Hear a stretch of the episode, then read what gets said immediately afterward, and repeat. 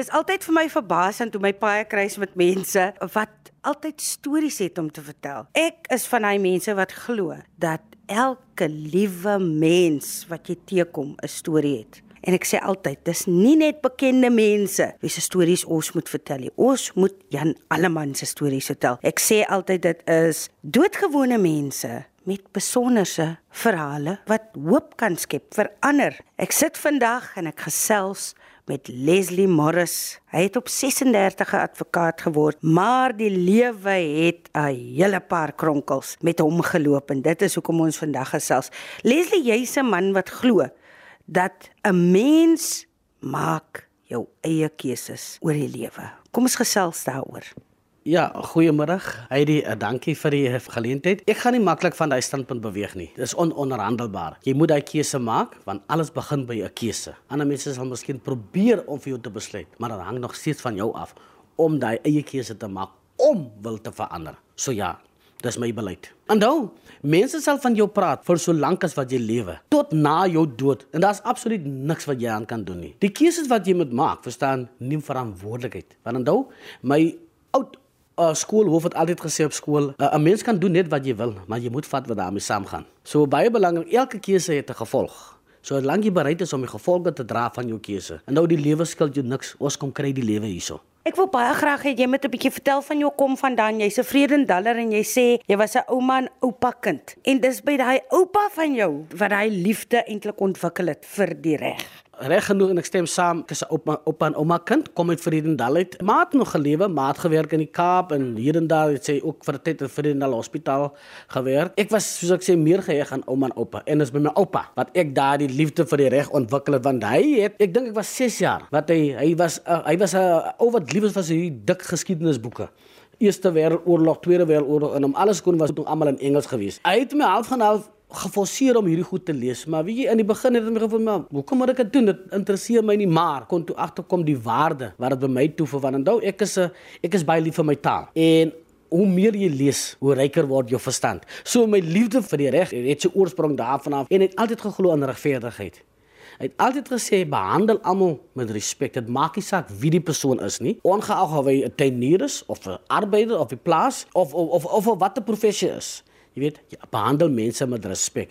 En so Vriendendal is baie na in my hart. Ek wil jou eintlik is 'n staaltjie vertel het in 1991. Ons matriekklas moes geld ingesamel het vir die eksamen, die registrasiefooi. Dit was R65 gewees. My ma dink dit is 'n bietjie finansiëel swaar getrek daai tyd en ek was moes noodgedwonge moes ek op die plaas gaan werk het. Ek moes gaan tomaties pluk het vir daai registrasiefooi. En ek sê dit vandag met alle respek, maar die plaas eienaar, 'n wit man se seun het vir my gesê, "Julle kleerling is net goed vir tomaties pluk." Wie vandag as ek bly het dit vir my gesê, want dit het vir my verder gemotiveer om op te staan. En nie dat ek uh, sal ek sê plaasarbeiders of plaaswerkers afdruk nie, maar daai woorde alhoewel dit seer gemaak het, maar het vir my gemotiveer. En vandag kan ek met trots sê, ek wens ek kan vandag sê gesig sê, sê hallo, hierdie plaasarbeiders is vandag 'n advokaat. Maar ja, gedane sake. Ek ek wil dit ook byvoeg verstaan, dit was 'n geïsoleerde voorval geweest. En ek het al met baie ander mense met al met plaasboere gesê en die oorgrootste meerderheid 90 99.9% van hulle is goeie mense man. En I mean ek het by my is daar nie hoe sal ek sê 'n onderskeid tussen wit swart pink groen. Ek behandel almal dieselfde. Die rede hoekom ek dit noem verstaan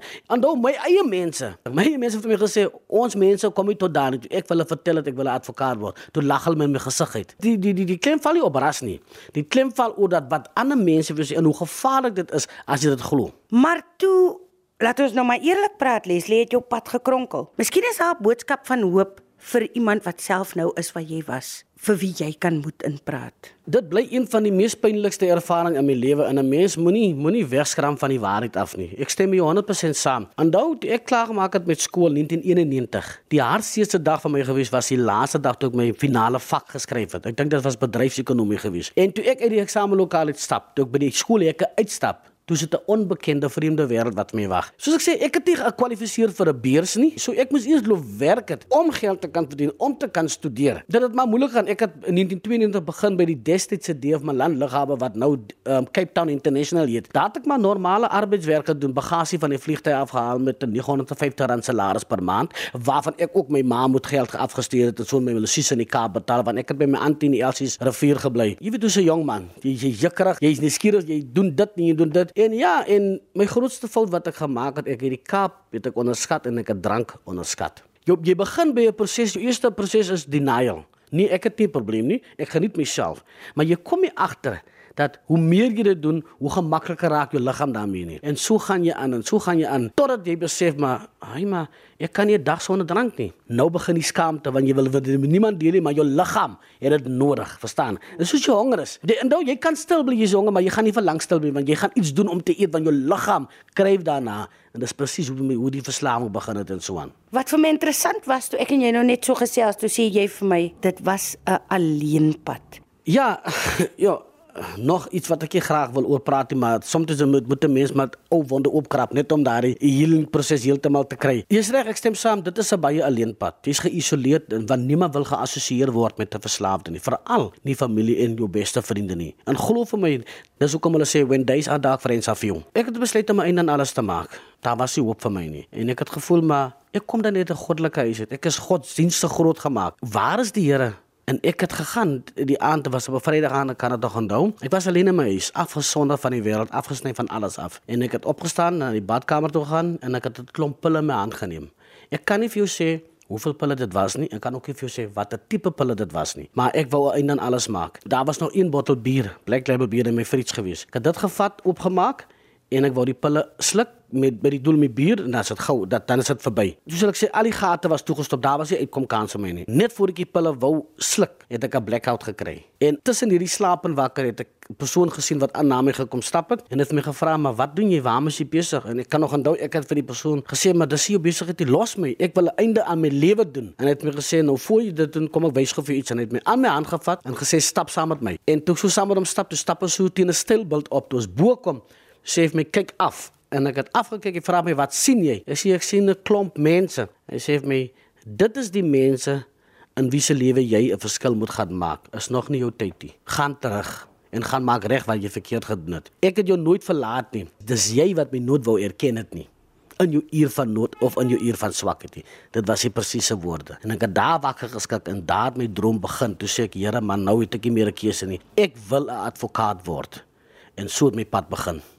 Word jy toe daai advokaat. Wat doen jy deesdae? Mag jy vertel? Uh my werk is baie ehm um, bevredigend. Ek werk vir die departement gemeenskapsveiligheid. Ek wil nie te veel detail daaroor gee en so nie, maar wat ek wel kan byvoeg, ek is toegewy aan my gemeenskap. Ek is ook 'n sonneskoolonderwyser vir amper 20 jaar nou al. En ek gaan baie na na kerke toe, funksies toe en ek gaan praat met mense. Vroueoggend is my specialty. Ben by the way, ek sing ook vir hulle. So ja, eendag dan een keer by my oud hoërskool gaan praat en my presiese woorde na die leerders was gewees. Daar wat jy nou sit, bang en onseker, ek was ook daar, maar jy kan as jy wil. Dit hang net van jouself af. Onthou, maak gebruik van jou kansse. Moenie ander blame my mense blameer vir jou foute nie. Neem verantwoordelik vir vir jou foute en die keuses wat jy maak want op die einde van die dag is net jy is verantwoordelik vir daardie keuse wat jy maak. Jy kan word wat jy graag wil word omdat jy net moet glo in wat jy wil wees. Jy het nou die droom waar gemaak om advokaat te word. In die drankduiwel het jou gelos. Maar wat is jou boodskap van hoop? Eenvoudig, baie eenvoudig. Ek wil nog graag my eie regspraktisyn oopmaak omrede Daar is mense wat vandag nie prokureurs kan bekostig nie en mense word gruwelik uitgebuit omdat hulle nie bewus is van hulle regte nie. Hoe meer jy weet van jou regte, hoe veiliger voel jy. So ja, ek wil nog graag eendag my regspraktyk open en uh ander mense bystaan. En terloops, ek het dus sopas my vierde boek geskryf, Ken jou regte. Dis meer as soos 'n inligting. Want dan dous ek sê as jy nie weet wat jy te doen staan nie, gaan mense jou misbruik. Dis ten doel om ander mense te help want nou dit gaan nie oor my nie, dit gaan oor wat jy kan bied want dit baat nie ek sit met kennis en ek deel dit met ander nie of ek help nie ander nie. So my droom is nog om my eie regspraktyk op te maak. Leslie, jy het nou vir my gesê wanneer jy die dames oggend ek hoor jy's 'n groot gunsteling onder die dames, dan sing jy ook. En ek het nou gedink nou dat ons lekker gepraat het oor die sware in jou lewe en die lekker dinge in jou lewe en die onthoudtye en ook dat jy mense so kon motiveer. Sing dan net vir my so twee sinnetjies van iets wat jy altyd vir die vroue sing. Ah, uh, ooh, jy nou jy my ene ding in. Ek is altyd lief vir hy vir vir hy song is altyd is een van my gunstelinge daai van um Ronda Ronstedt en Aaron Neville. I don't know much but I know I love you and that may be all I need to know.